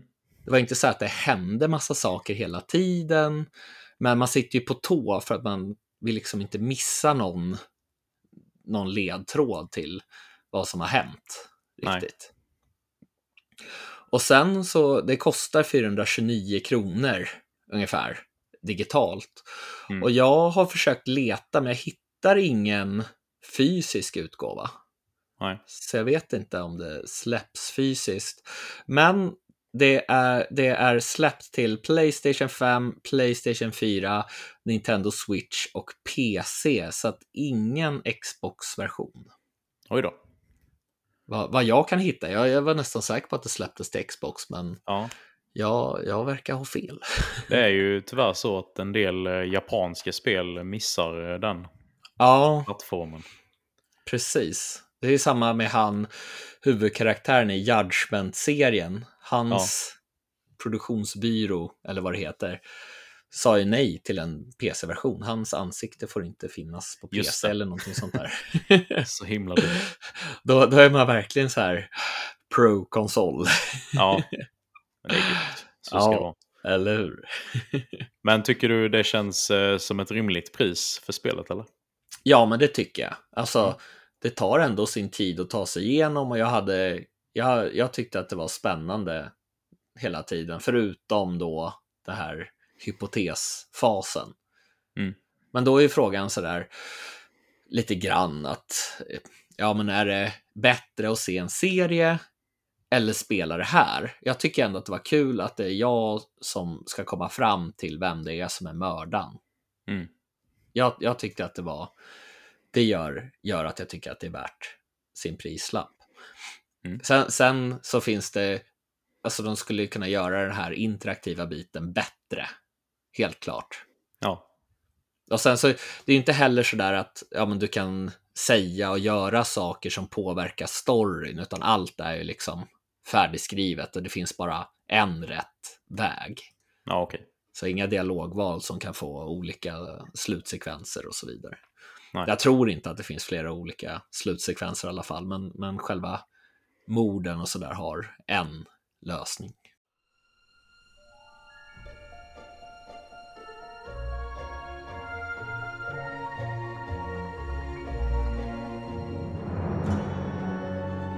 Jag tänkte vi skulle prata lite mer om våra piratäventyr i Sea of Thieves.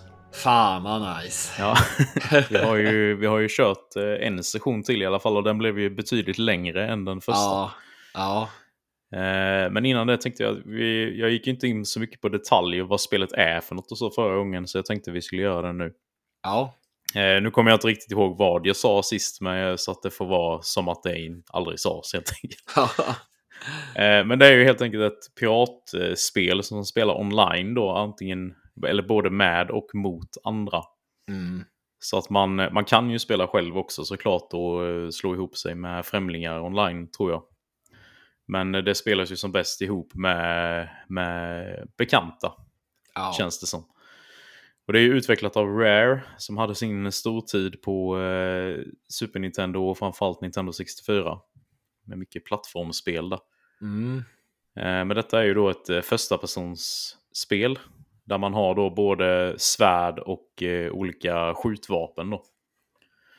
Eh, och det, det som finns att göra då är att när man... Du och jag har ju liksom... Eh, jag har ju bjudit in dig till mitt crew. Och så har vi ju spanat in i en sån här outpost då. ja, Och vid, det, jag tror det är olika vilken outpost man spanar vid. Liksom, det är nog lite random då. ja, alltså man blev lite förvånad först, men det här känns inte igen. Nej, för de ser ju lite olika ut. Ja, Men eh, vid dessa outposts då så har man ju oftast en pub. Där man kan, eh, som vi har gjort då, fylla på sitt, sin mugg eller vad det är. Med grogg. Och dricka sig berusad så att gubben vinglar hej vilt och till slut så kräks man då om man inte, ja. om man inte håller igen. Eller hur, jag däckade totalt. Var tvungen att lägga mig på golvet för jag blev ju typ yr själv. Precis. Eh, Men även i den här puben då så finns det ju eh, en, en viss NPC och vid honom så kan man plocka upp eh, sådana här tall tales som det kallar då som är spelets storyuppdrag. Och det gav vi oss på nu då för vi ville ju testa det så vi plockade upp men nu kommer jag inte riktigt ihåg vad uppdraget hette.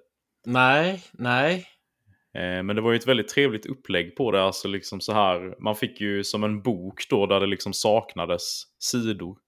Ja, alltså det var ju väldigt snyggt upplagt. Ja. Och liksom, man, man ska ju typ ta ledtrådar härifrån och sen fundera lite på vad, det betyder. Det, det står ju inte exakt så här att ja, men det är på den här ön Nej. och så vidare. Nej, det är mycket så här typ, ja men sydöst om denna ön var Ja. vi. Och så här, man ska liksom följa, de har ju liksom följt en så här loggbok då så får man försöka liksom eh, härma det de har gjort och hitta där de liksom har, det kan ju vara någonstans de har sänkt ner en kista under vattnet så då måste vi hitta det och dyka efter den och så. Mm. Och det kan ju vara lite så här, vad ska man säga, lite smarta ledtrådar som någons tårar till exempel. Men vad är någons tårar för någonting? Ja, precis, det var ju en ös tårar. Ja, ja, Som vi, eller jag knäckte till slut, men det Ja. var ju så dags när ditt, eh, ditt internet kraschade. Så Ja. inte kunde, det var precis när vi var på sista delen av det här uppdraget efter många timmar. Så kunde vi inte slutföra. Nej, min router verkar ha fått lite fnatt. Precis. Men utöver dessa tall tales då så finns det också voyages. Eh, och det är ju helt enkelt typ expeditioner som man kan sätta sig ut på för att göra uppdrag åt de tre fraktionerna som finns. Mm. Och då har du ju Gold Hoarders. Deras uppdrag går ju ut på att du får, eh, du får liksom en skattkarta helt enkelt. Så du måste hitta vilken ö den, eh, den kartan matchar och så har du ju ett X då där, där du ska gräva upp en skatt helt enkelt och sen ta tillbaka den till dem. Ja, Och sen har du Order of Souls. Eh, deras uppdrag går ut på att du ska döda eh, skelettpiratkaptener eh, som finns på olika öar då. Och ta tillbaka deras skalle. Och lämna in där då. Så får du både guld och du ökar din reputation med, med den fraktionen. känns det- brutalt. Ja, precis. Men de är väl onda får man väl Ja, anta när ja. de är skelett. Eller hur? Eh, och den, sen den sista är ju Merchant Alliance. Eh, och där ska det då gå ut på att du liksom eh, tradar. Jag- har fattat det, vi har inte gjort några av deras uppdrag, inte Order of Souls heller för den delen. Men Nej. jag har förstått det som att det går ut på att man liksom ska frakta olika material och så liksom fram och tillbaka mycket. Alltså det är en väldigt passiv grej då. Ja, alltså vi blev ju väldigt sidetrackade kan jag ju säga. Ja. det var ju som, ja men här är ju något som lyser, ja men där är någonting, ja men vad är det Ja. på den här ön? Precis. Och så stötte vi på en hel del av de där eh, piraterna till exempel. Ja, de skeletten ja. Ja, ja. Jo, det dödade vi ju ett antal. Hittade någon liten roddbåt och så fyllde vi den med skatter och så körde vi det till skeppet och så åkte vi vidare och så bara, ja men nu gör vi storyuppdrag och så bara, ja men här Mm. borta då. Ja. ja, det var väldigt lätt att bli distraherad. Ja, Men vi, har, vi råkade ju faktiskt ut att vi stötte på ett, ett annat skepp också, alltså med spelare. ja. Och det blev ju väldigt intensivt. det blev ganska crazy. Ja, en lång, eh, lång fight blev det. Ja, ja. Det, det kändes som att de hade spelat några timmar mer än oss. Vi, vi Ja. kan skylla på det i alla fall. Vi Ja, jag tycker det. Torskade ju rätt hårt. Ja, vi kom inte ur den striden levande. Nej, alltså det började ju brinna på skeppet och man liksom sprang och hämtade vatten och man pumpade på vatten och man hällde på och sen när man kom tillbaka men då hade elden spridit sig och sen så var det Precis. redan nere på bottennivån. Var det nu. Ja, vi försökte fördela det att en skulle liksom hålla koll på reparationer och, och styra skeppet och släcka Ja. bränder och att den andra skulle liksom försöka vara offensiv då och skjuta med harpun och kanonerna. Men det, ja, det gick ju inte. Nej, Det nej. blev ju bara att vi fick laga och släcka bränder. Och... Det, det var kört. lite, lite svårt att liksom veta ungefär hur droppen är på kulorna också. Nu när man Precis. inte har kört det så länge. Mm. Jag Skyller på det. Men nästa gång tror jag att vi ska testa att skjuta över den andra med kanonen. Eh, så att man Ja. landar på, på skeppet. Eller hur? Vi, vi tänkte att det var bra att skjuta iväg dig där, för du är ju liksom, du, du klarar Elden ring och så på en Ja, höft. Så klarar du dem. Nej, precis. Nej, och sen är det ju då när man är ute på olika upptåg då så hittar man ju de här olika skatterna som, och vissa av dem går ju bara att lämna in till en viss av de här tre då. Ja, Och vissa kan du lämna in till ja, vilken du vill av dem, så då får du välja vilken du vill uh, levla din reputation med helt enkelt. mm, Och sen är det ju bara kosmetiska grejer i spelet, helt enkelt, som du använder ditt guld till. Vilket jag Ja. tycker är rätt trevligt. ja, alltså det var ju någonting som gjorde att jag slutade spela det Mm. här. Eftersom att det kändes som att det inte var någon progress så. Nej. Men nu tycker jag att det är ganska trevligt och du får ju ändå progress inom de här olika falangerna så att du Ja. liksom får mer och mer avancerade uppdrag är det väl. Om man kommer upp högre i level Ja, så precis. det upp att du kan det. göra olika saker. Så Det är väl det, högre belönade uppdrag kanske. Ja. Så att det känns ju ändå som att det finns väldigt mycket material och det är ju som så här. Det var väl veckoutmaningar, var det månadsutmaningar också? Ja, det är ju dels är det ju sådana här säsonger som eh, Ja. många sådana här spel har. Eh, där vi inte riktigt vet vad som ingår då. Vi är ju väldigt nya på spelet. Men Ja, det, Daily Quests finns det ju då. Det är ju också likt, eh, likt de här tres, eh, deras uppdrag då. Bara ja. att man kan bara göra fem om dagen tror jag där. Och då kan du också sprida ut det med vad det ger dig för fördelar. Då. Mm, Men annars är det ju mycket, du kan ju köpa liksom olika vapen. eh, De ger ju ingen fördel på något sätt så, utan de bara ser ju annorlunda ut. ja, Och likadant kläder och eh, du kan ju eh, customisa ditt skepp då med olika delar. Med flaggor och allt vad det ja, vi hade inte så himla roliga flaggor. Nej.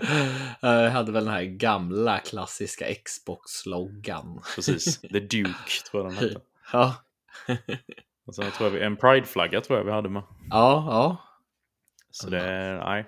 Man ska kunna ha pets också har vi ju sett. Men vi har Ja. inte riktigt förstått hur man får tag på dem. Nej, Det enda vi har sett att några- man kan köpa i den här DLC-butiken då där man Mm. spendera pengar, men det vill vi ju inte. Nej, vi hittade några grisar istället, men de sköt vi. Mm. och så käkade vi rått kött. Det var inte jättebra. Nej, då blev man också sjuk. Ja. men, men det jag gillar det är att det inte är massa, vad ska man säga, waypoints, utan det står var du ska och sen får du liksom ta dig dit själv. Ja, Man får titta på kartan och se ungefär, och man får titta på kompassen och ja, ja, men en, en gör det medan den andra kanske styr då Mm. var man ska åka och det är väldigt sådär samarbete. ja, verkligen. Det kräver ju verkligen kommunikation.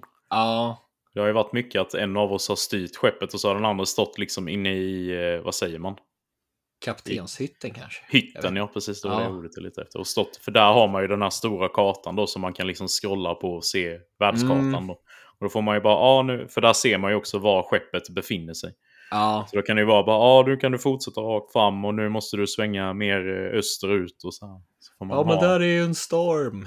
Ja, precis. Jag bara fortsätta. Ja. Ja, Nej, det är sjukt kul verkligen. Ja. Eh, Vi har absolut inte spelat färdigt. nej, nej, alltså det är ju galet kul. Alltså det, man skrattar ju mycket och det är ju Mm. samtidigt så har det ju sina så här lugna stunder, sköna stunder. Man liksom guppar lite på havet och Ja. någon av oss börjar spela någon musik och lite så Ja, här just det. skön, skön stämning. Mm. Så att det är ju, ja men alltså, och väldigt mycket tanke på pussel och, och så vidare. Förs tankarna lite till Wind Waker ibland när man är ute på havet sådär. Ja, det blir- ju lätt så. och det är ju det är ett Zelda-spel jag gillar. Ja, exakt. Nej, det är ju väldigt harmoniskt när man är ute och seglar. Mm. Så det är väldigt, jag är väldigt imponerad av liksom vattenmekaniken. För det, båten för ju sig verkligen efter vågorna och så Ja. här. Och det, det, och det liksom skvalpar upp vatten om det är för mycket vågor eller storm. Eller så, här, så då kommer det ju in vatten liksom under däck så man måste eh, skopa upp med hink och så här. Då. Mm. Så det, nej, jag är väldigt imponerad. Ja. ja, jag blir ju, jag ska väl garanterat spela det på Xbox Series X sen när jag skaffar det. Mm. Eh, för att laddningstiderna på Xbox One X Ja, är brutala. Ja. Jag tror att det tog 10 minuter ungefär för mig att starta spelet. Shit. Kanske, ja, nå- någonstans där omkring. Ja, Man tror att det har hängt sig, men Ja. den laddar. precis. Den laddar in någon liksom så här, eh, meny och så kan jag klicka och sen så laddar den igen. Mm. så det tar lång tid att komma in i ett Precis. spel. Men sen inne när man väl har kommit in så om jag dör till exempel så tar det inte jättelång tid för mig att komma tillbaka Nej. ändå. Även om det säkert går ännu snabbare på eh, One eller Series-konsolerna. Ja. Och speciellt Xen då. Precis. Det är ju så när man dör så typ eh, transporteras man ju till något sånt här spökskepp. Och så får man Mm. vänta där i en viss tid då innan man kan respawna.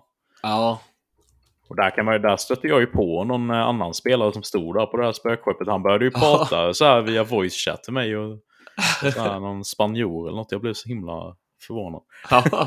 Han frågade väl om du var snäll eller vad? Are you good? Are you good? Ja, det var väl om jag mådde bra kanske. Jag vet jaha. Ja. Ja, det var roligt i alla fall. ja, ja. Men eh, Sea of Thieves, det, det ingår ju i Game Pass då. Det är ju där vi har spelat det. Mm. Och det finns ju bara till PC och Xbox eh, eftersom det är eh, del av Microsoft Game Studios såklart. Ja. Och har man inte Game Pass så kan man ju köpa det för 399 kronor då. ja, jag har faktiskt full, eller jag har fullversionen, eller vad säger man? Mm. Jag har eh, spelet. Ja. Inte för att det spelar någon roll i och för sig. Eh, nej, nej, men jag har helt ändrat uppfattning om det här spelet. Jag har skitkul när vi spelar. Ja, för jag hörde också från, eh, från en del kollegor, så här när det släpptes vet jag, hade jag en del kollegor som spelade Xbox One då. Och de var ju så här bara, "Ah, det finns typ inget att göra och så här. Ja. Nej, det nu måste... är det ju några år sedan. Ja, jo, det känns som att det har kommit väldigt mycket Mm. nytt. För att det fanns väldigt lite.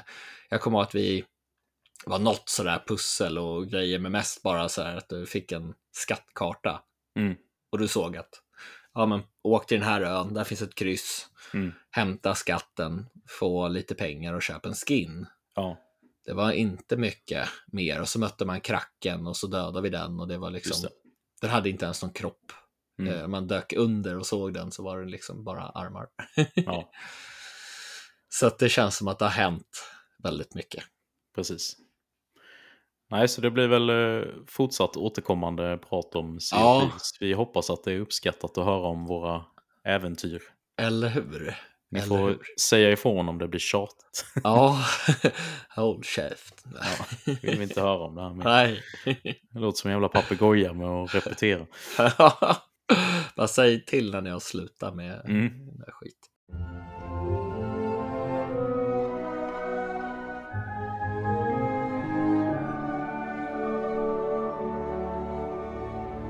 Jag har spelat ett spel som du tipsade mig om som du inte har spelat. Nej, stämmer.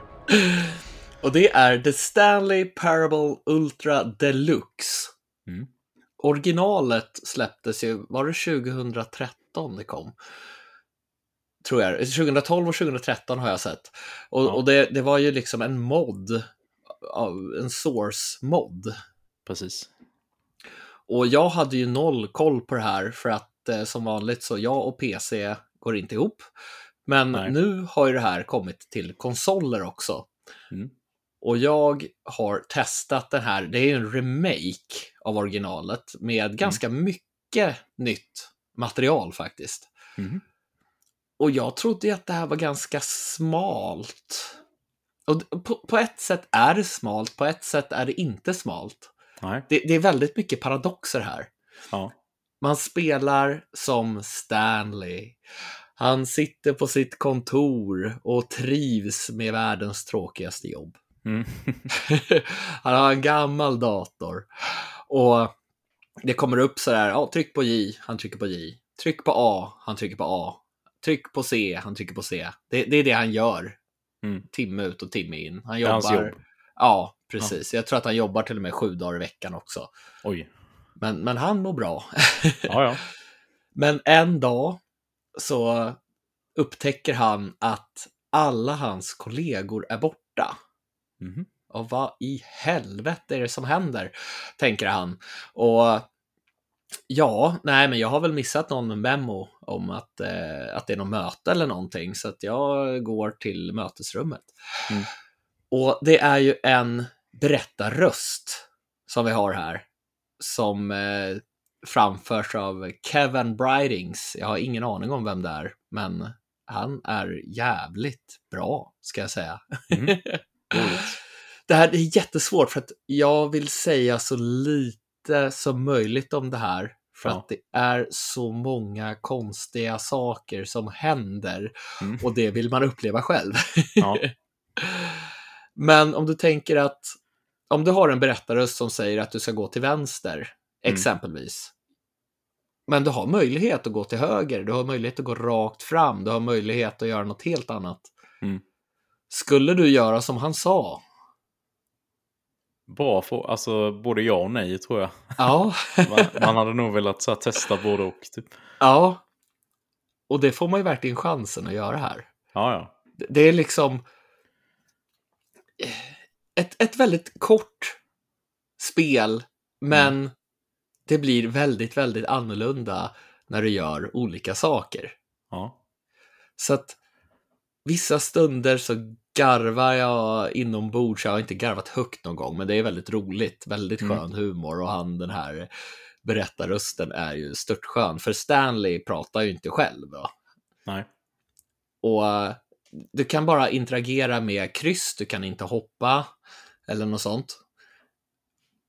Och man testar ju liksom alla möjliga saker man kan göra på det här kontoret.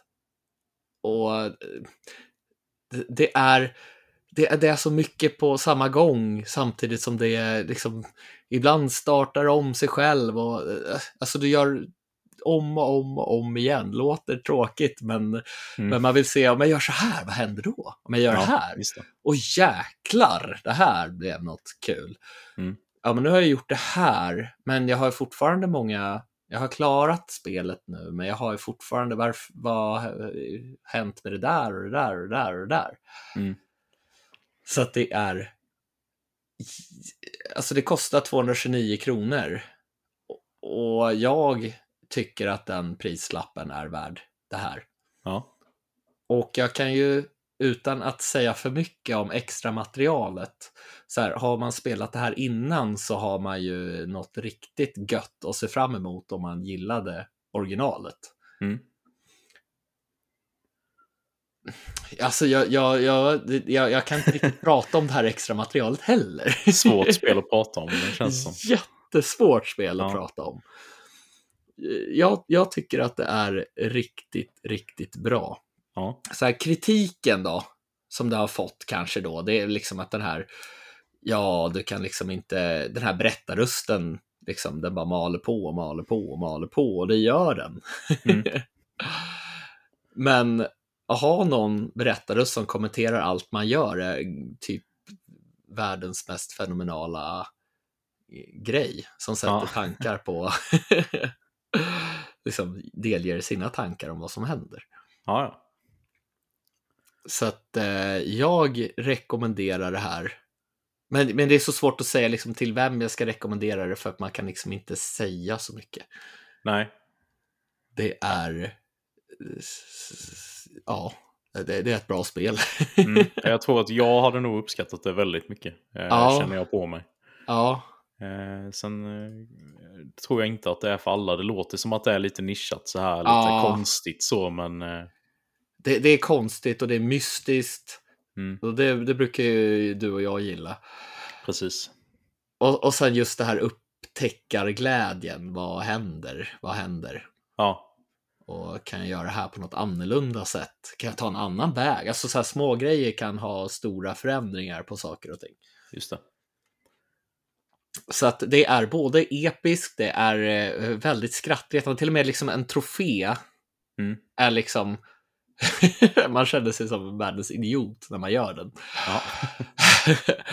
men den var liksom så kul. Jag brukar inte bry mig om troféer, men här vill jag liksom eh, det är svårt att veta om man har gjort allting i spelet, om man liksom har loss, liksom fått Mm. vara med om allting. Det är klart. Så att jag känner liksom att ja, men jag vill försöka ta Platinum, jag har ju spelat det till Playstation 5, för att liksom se att jag har gjort allting Mm. som går att göra. Jag har inte gjort det än. Jag, jag har ju spelat ganska länge. Om och om igen. Ja. men, men som sagt, det, det händer många olika saker. Ja. ja, det låter grymt spännande. Ja, ja. Så att det här är ett spel som jag rekommenderar både för de som har kört originalet och de som är nya som jag.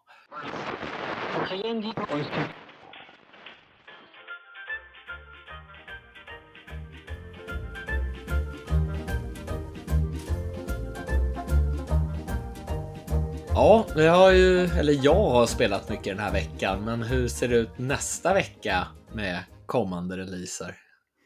Det ser eh, rätt så lagom ut tycker jag. Mhm. Vi har en eh, väldigt stor eh, release och två lite mindre. Okej. Eh, Den första då som är en av de lite mindre är ett spel som heter Silt. Silt. Ja, S-I-L-T. precis. Okej. Det har jag aldrig hört talas om. Nej, det var ett spel som var okänt för mig innan eh, Nintendos senaste sån här Indie World. Ah.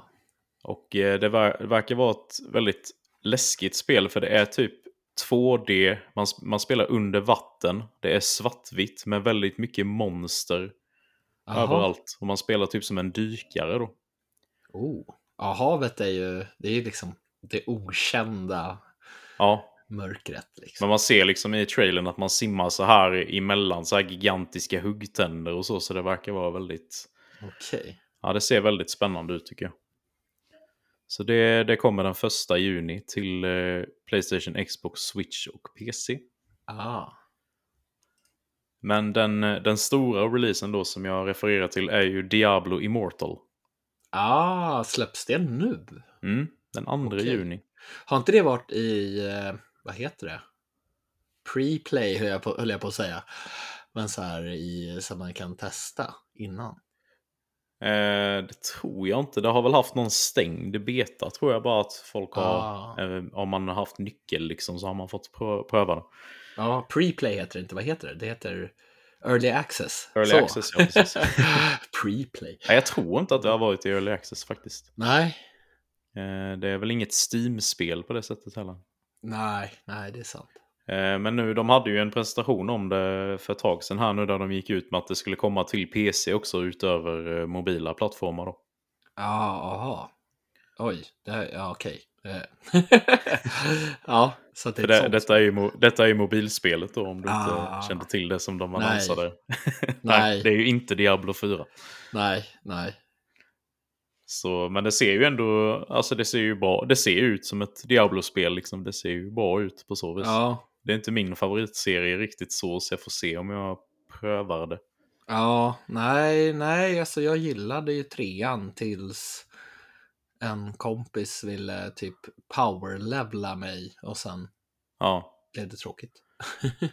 ja, det känns som det, många spelade liksom mycket för grinden. Eh, Ja. Jag körde liksom igenom storyn i trean och i dess expansion och sen var jag nöjd.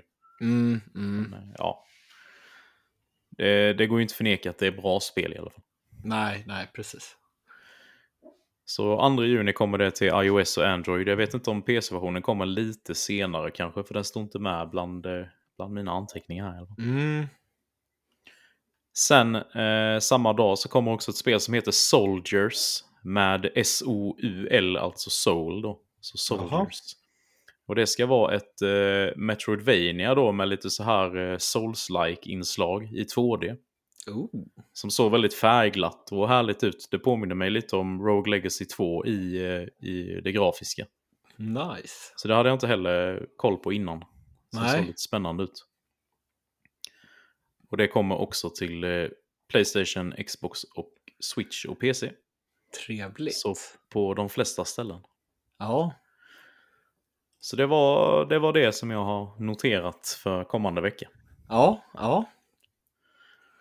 Så Ja. idag tänkte jag vi skulle vara duktiga och säga tack för att ni lyssnar. Ja, tack för att ni lyssnar. Tack. Vi, vi, inte, vi snackade om det sist. Vad fan, vi är dåliga på att säga tack. Ja. Men, Vi eh, är väldigt vi tacksamma när vi liksom pratar med varandra om att folk lyssnar. Ja, precis. Sen glömde vi säga det i avsnittet istället. Ja. Sen, eh, vi brukar ju tjata om att man kan höra av sig och så här, men eh, det Ja. gör väldigt mycket att man bara lyssnar varje vecka också Mm. såklart. Det är ju Ja, egentligen det herregud. viktigaste. Sen är det ju superkul om ni vill interagera med oss ja, jättekul. någonstans också. Mm. Och var kan man göra det Tommy? Ja, om man vill skicka mail så kan man göra det till spelatpodcast gmail.com eller så kan man hitta oss på Facebook och Instagram. Spelat podcast heter vi där.